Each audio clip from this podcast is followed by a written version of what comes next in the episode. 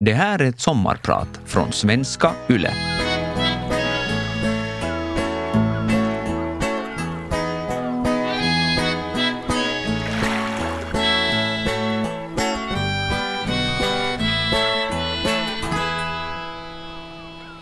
Var befinner du dig just nu när du lyssnar på det här? Hur ser det ut där du är, i ditt rum? Hur doftar det? Hur känns det?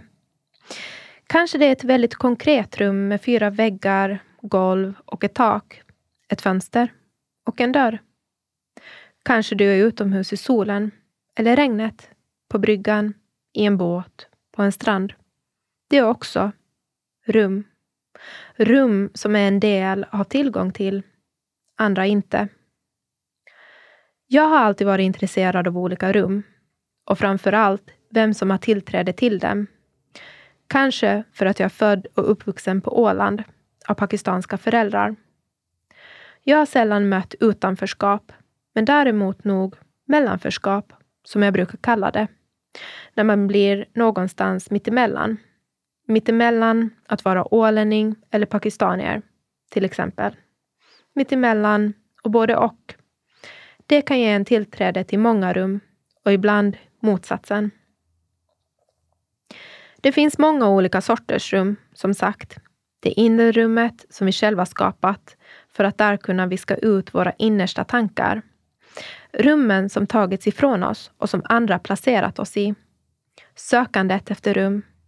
Rummen i vilka vi funnit varandra. Rummen som vi samlat mod i för att tillsammans öppna dörrar till nya rum. Rummen där vi håller varandra om ryggen för att skapa ett vi. Rummen där vi hittat vår plats. Rummen som vi lämnat, återbesökt, undersökt, rivit ner, återskapat. Jag hoppas att du vill följa med mig in i mina olika rum. Mitt namn är Najab Ikram. Jag är visuell konstnär och idag är jag din sommarpratare.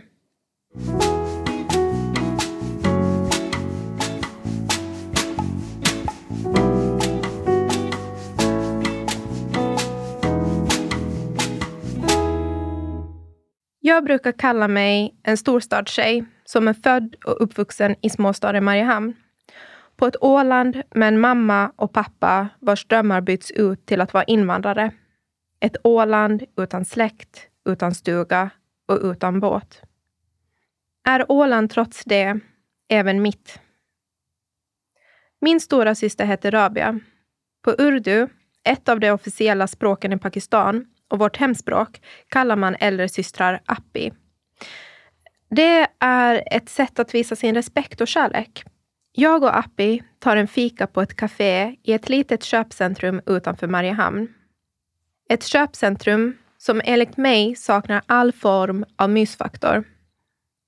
Över en kopp te och en bit kladdkaka frågar Appi ut av mig. När tror du man blir medveten om att man är annorlunda som barn? Vi är båda födda på Åland och trots att hon är tio år äldre än jag delar vi en hel del. Inte bara vårt sätt att skratta, utan också gemensamma fördomar och utmaningar som vi stött på under uppväxten på Åland. Vårt samtal för mig tillbaka till skolgården på Ytternäs skola en solig höstförmiddag i början av 2000-talet.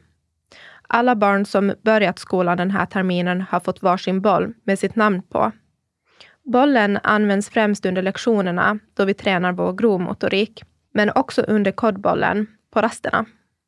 Redan i början av terminstarten försvinner min boll.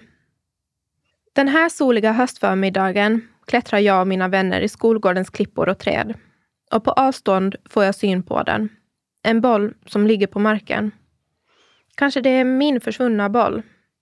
Jag går fram till den, tar upp bollen och ser att mitt namn står på bollen. Men över namnet har någon skrivit en annan text. Jävla. Och så kommer det, n-ordet. Far tillbaka. Jag är sju år gammal och känner hur det hugger till i mitt inre. Samtidigt känner jag en våg av likgiltighet skölja över mig. Jag distanserar mig från det som står på bollen och har svårt att ta till mig orden. Där sås fröet till en inre konflikt. Jag funderar på vad de som skrev på bollen egentligen menade. För jag är ju född på Åland. Tillsammans med några av klasskamraterna som stått bredvid mig då jag hittat bollen går vi till vår klassföreståndare Eivor för att visa bollen för henne. Då hon läser vad som står på bollen ser jag att hon blir arg. Hon tittar sedan på mig och säger att jag aldrig ska låta en människa behandla mig så. Aldrig låta någon säga så åt mig. Aldrig någonsin. Efter det förstör hon bollen framför mig. Jag ser min klasslärare söndra bollen som någon skrivit n-ordet på. Jag visste redan i tidig ålder att jag inte var likadan som de andra åländska barnen eftersom jag inte såg ut som dem. Med min bruna hy och mitt långa kolsvarta hår som alltid var flätat. Dessutom talar jag urdu, förstod punjabi och firar flera muslimska högtider som mina kompisar inte firade. Men aldrig hade jag stött på ett så uttalat rasistiskt bemötande före det, före den här skoldagen då jag var sju år gammal. Då jag ser tillbaka är jag så oerhört tacksam över hur Eivor reagerade. Att jag som barn i den stunden fick se en trygg vuxen som vågade visa sina känslor och signalera att det som riktades mot mig var fel. Både i ord och handling stod hon på min sida. Hon gav mig bekräftelse. Tack Eivor för att du såg mig.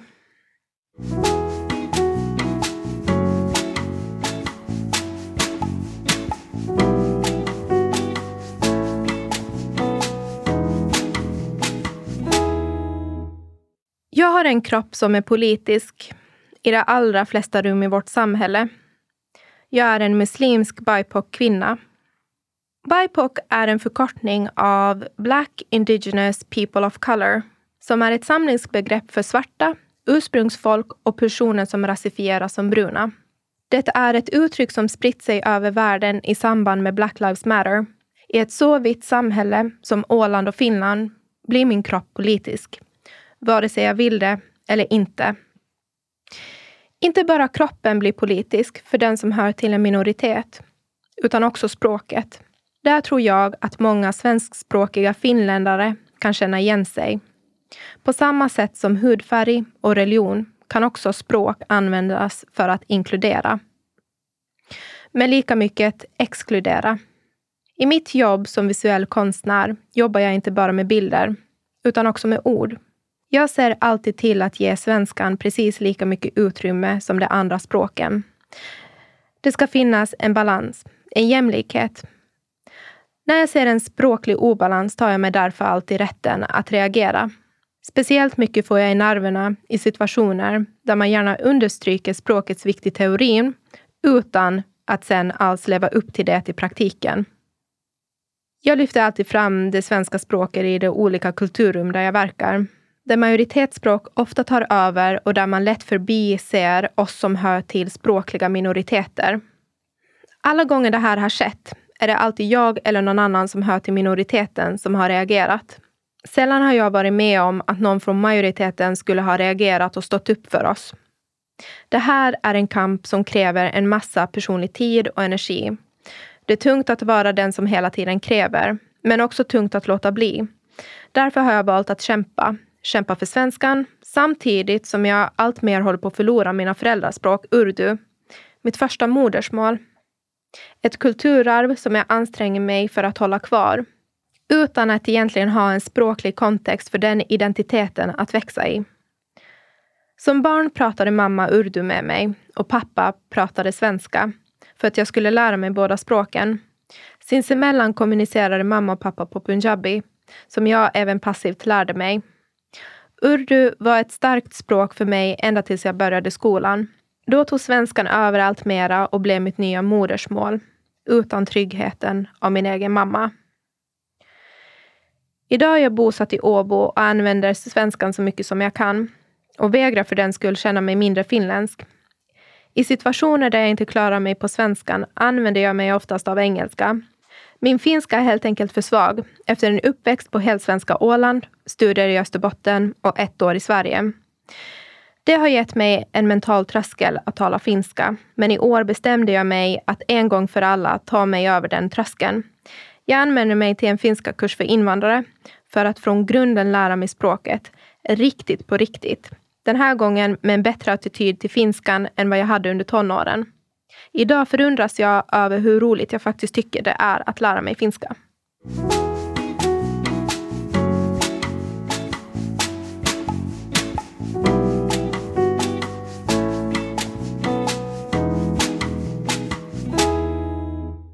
Det var i de tidiga tonåren jag fann fotograferingen. Då märkte jag hur jag med hjälp av kameran kunde närma mig platser jag annars inte hade tillgång till. Jag förstod i samma stund att det här var min nyckel till att få ha hela världen som arbetsfält. Det fanns så mycket jag ville förmedla. Och för att kunna göra det måste jag lära mig bemästra fotograferingen. Det var meningen att jag skulle ha gått gymnasiet på fyra år, men bestämde mig i sista stund att bara ta mig igenom studierna så snabbt som möjligt så att jag kunde söka in till en fotoutbildning som råkade ha antagning samma år som jag lyckades ta studenten. Ärligt talat la jag betydligt mycket mera tid på fotograferingen än på gymnasiestudierna. Allt för att nå mina drömmar. Jag kom in på fotoskolan i Österbotten. Och där blev jag för första gången bekant med duktiga flicka-syndromet. När jag fick studera det jag älskade mest av allt, fotograferingen, växte syndromet sakta fram. Jag blev en workaholic, en arbetsnarkoman med känslor som bränsle. På det sättet tog jag mig igenom studierna och det första året av mitt arbetsliv. Det handlade säkert också om minoritetsstressen som fått mig att föra osynliga kamper. Som jag saknade ord för. I samband med det här hittade jag ordet mellanförskap som blev min ledstjärna.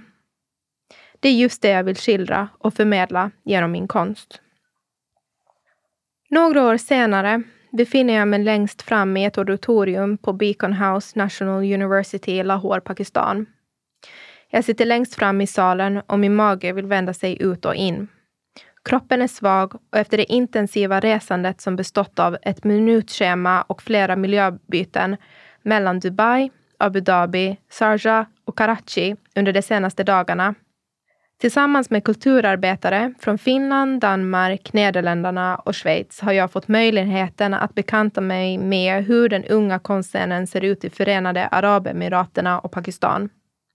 Blomstrande konstscener utanför de eurocentriska perspektiven.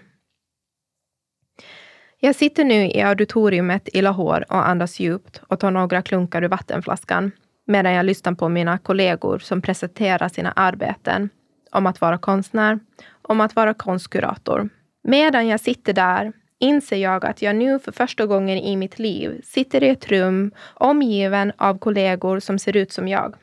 Alla med konsten som sitt främsta verktyg. Här är jag inte annorlunda.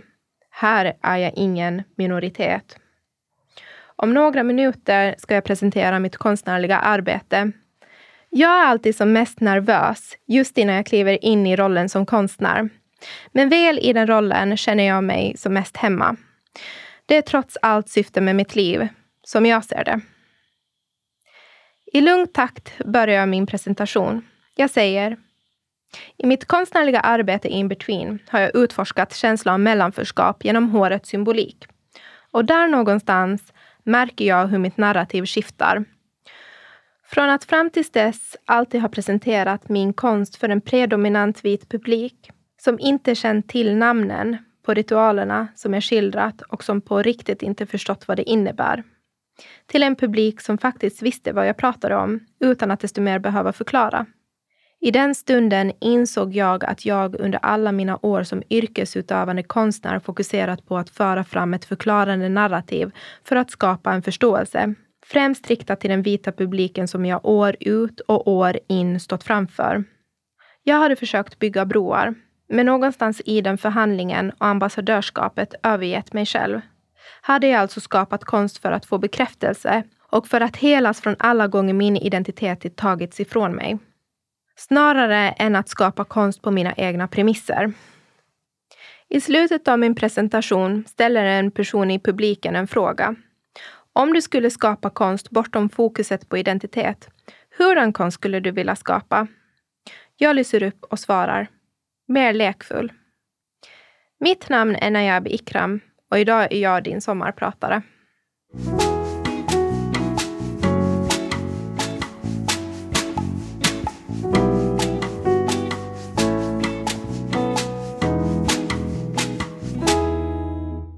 Små trånga rum ger mig olust.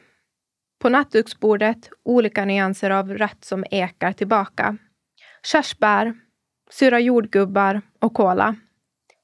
Jag valde att sova på dagarna och vaka på nätterna under den tid jag bodde i Bollebygd i Sverige. En liten småstad. Jag är inte ens en småstad, utan en by i Västergötland i Mellansverige. Jag var där och arbetade i konstnärsresidenset vid Borg konsthall. Det är något med småstadsidyllen som gör mig kluven. Tryggheten som är så fin och litenheten som är så klaustrofobisk. Det var just det jag ville överge när jag flyttade från Åland och Mariehamn. Men nu sitter jag i en småstad igen. Dessutom i en ännu mindre by med bara några tusen invånare. Bollebygd tar mig tillbaka till mina tonår som bestod av dysfunktionella vänskaper som vid något skede blev så pass infekterade att de brast i omgångar under flera års tid. Och i takt med vänskap som brast, brast mitt hjärta i mindre och mindre bitar. Det gjorde så himla ont. Bäst att dra sig undan. Bäst att sova på dagarna och skapa i sin ensamhet på nätterna. Det var inte förrän jag flyttade tillbaka till Finland år 2017, till Åbo, som jag började hitta hem i vänskap igen. Jag flyttade in i ett kollektiv där jag fortfarande bor.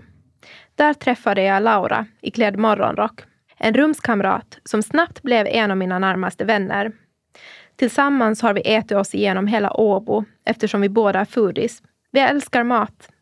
Vi har suttit oändliga timmar runt köksbordet över en kopp te eftersom ingen av oss dricker kaffe. Bondat över att se livet ur ett intersektionellt perspektiv, genomsyrat av klassperspektivet. Aldrig hade jag kunnat ana att just Åbo var staden. Platsen, rummet, där jag blomstrade ut till den personen som plötsligt kunde se sig själv med ödmjukhet bortom de mörka molnen. Men så var det. Mina trygga, fina Åbovänner har gång på gång visat sitt allierande syskonskap och tagit fram en sida hos mig som varit gömd bakom all smärta. Sedan dess har jag aldrig behövt stå ensam.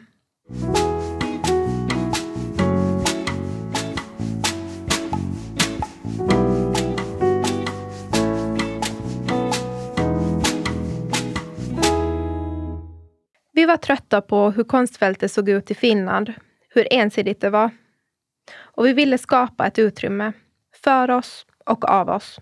Vi BIPOC-konstnärer i Finland.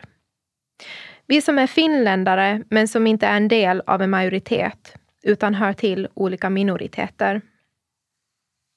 Så föddes vänskapen mellan mig och Ramina. Och den växte och djupnade under vårt intensiva arbete med att utmana normerna inom kulturfältet. Att göra kulturen mer inkluderande och representativ.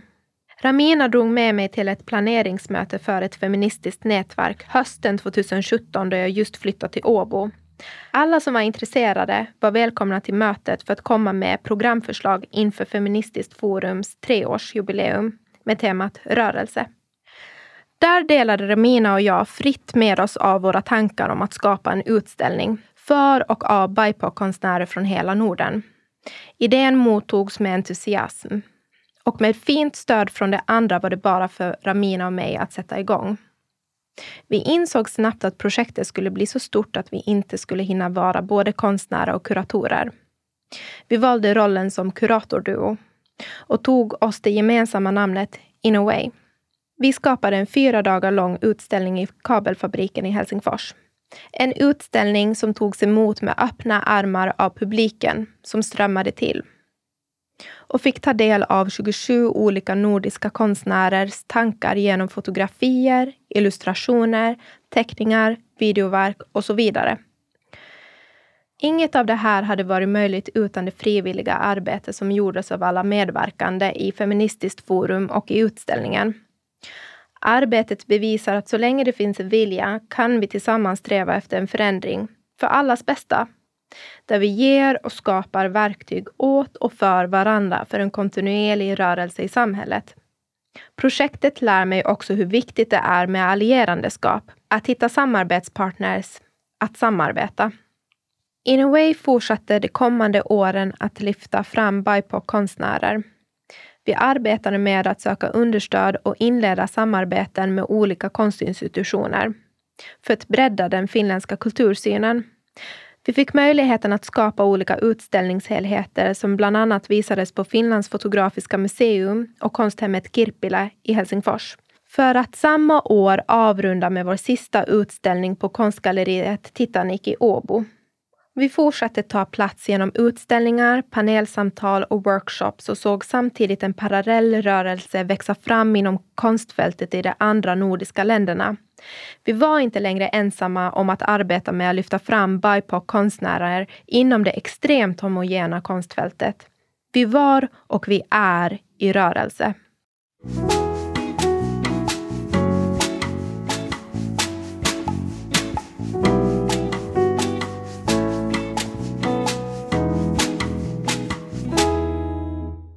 Jag står i kassakön i den tyska lågprisbutiken och tittar på vad personen framför mig lägger upp på rullbandet. Fast egentligen registrerar jag inte varorna, förutom den här mangon som sist läggs upp på rullbandet. Skalet är grönt och skiftar i rött i det hårda lysrörsljuset. Där hemma, på mitt skrivbord, växer ett litet mangoträd på cirka 10 centimeter som är odlat från kärnan av en liknande mango en mango som åts upp med amerikanska plättar en dimmig eftermiddag i december. Varje gång jag tittar på min mangoplanta förflyttar jag mig till andra platser, andra rum.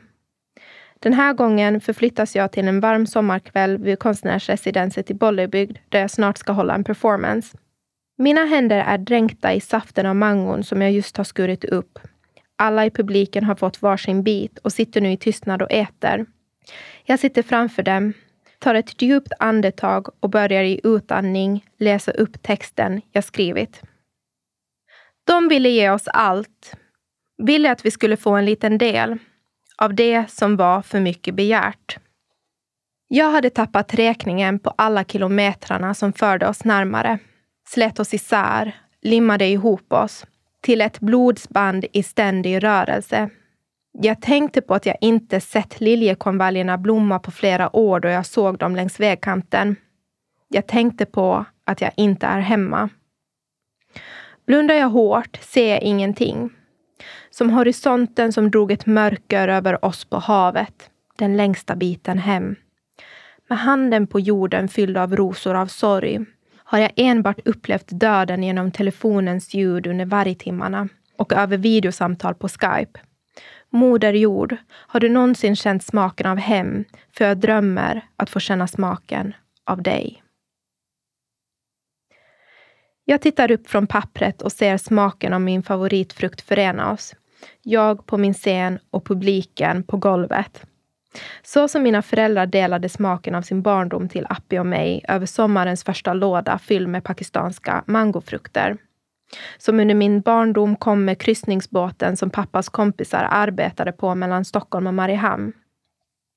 Vid köksbordet, med den fina vita spetsduken, skars frukten högtidligt upp. De bästa bitarna gavs alltid till Appi och mig och föräldrarna åt fruktköttet runt kärnan.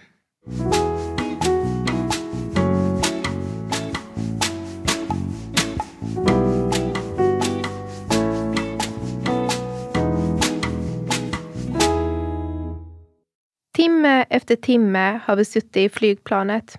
Under den långa resan har solen letat sig fram från nattens mörker för att visa oss de välbekanta landskapen som sveper fram under oss. Jag tittar ner på landskapet som skiftar i toner av grönt och beige och möter det hårda solskenet som letat sig in genom flygplansfönstret över mitt ansikte och vidare på de andra passagerarna som sitter och dricker sitt morgonchai från pappersmuggar. Det är en tidig vårmorgon då planet landar i Lahore. En helt annan värld, ett helt annat rum. Då vi väl stiger ut ur flygplanet möts vi av doften av den pakistanska vårmorgonen. Jag blundar och drar in doften innan jag sakta fortsätter gå ner för metalltrappan. Doften av mina rötters ursprung som mina föräldrar med sina universitetsutbildningar lämnade bakom sig för att plantera möjligheternas framtid för oss. För vår familj. Möjligheterna som skapades ur deras hårda arbete. Fyllt av stolthet i allt de tog sig an. fyllt av ansvar som de tillsammans burit på, som skapat möjligheter för mig och min syster att flyga. De senaste åren har jag drömt om att skapa rumsliga konstupplevelser fyllda av dofter av hem.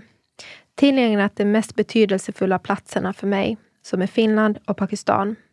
Där vill jag återskapa dofterna av det finska sommarregnet och den pakistanska vårmorgonen och genom det behandla känslor kring längtan, mellanförskap och tillhörighet. Under den gångna pandemivåren har jag sakta börjat verkställa den här drömmen genom att undersöka luktsinnet, som är det starkaste sinnet vi människor har kopplat till minnet. Jag är intresserad av att utforska det och det här minnenas relation till det kollektiva minnet. Det som vi minns tillsammans. I nära samarbete med arkitekten Arvind ska vi skapa visionen av rummen där doften av hem kommer att delas tillsammans med er, med publiken. Om du blundar nu, kommer du ihåg doften av sommarregn? Den där blandningen av värme, friskhet, doften av kravlöshet. Att bara ta det lugnt i väntan på att det tysta knapprandet på taket avtar. Vilka är dina favoritdofter? Fyll din näsa och dina lungor med dem och samla och spara sköna sommarminnen. Att aldrig glömma. Mitt namn är Najab Ikram och idag har jag varit din sommarpratare.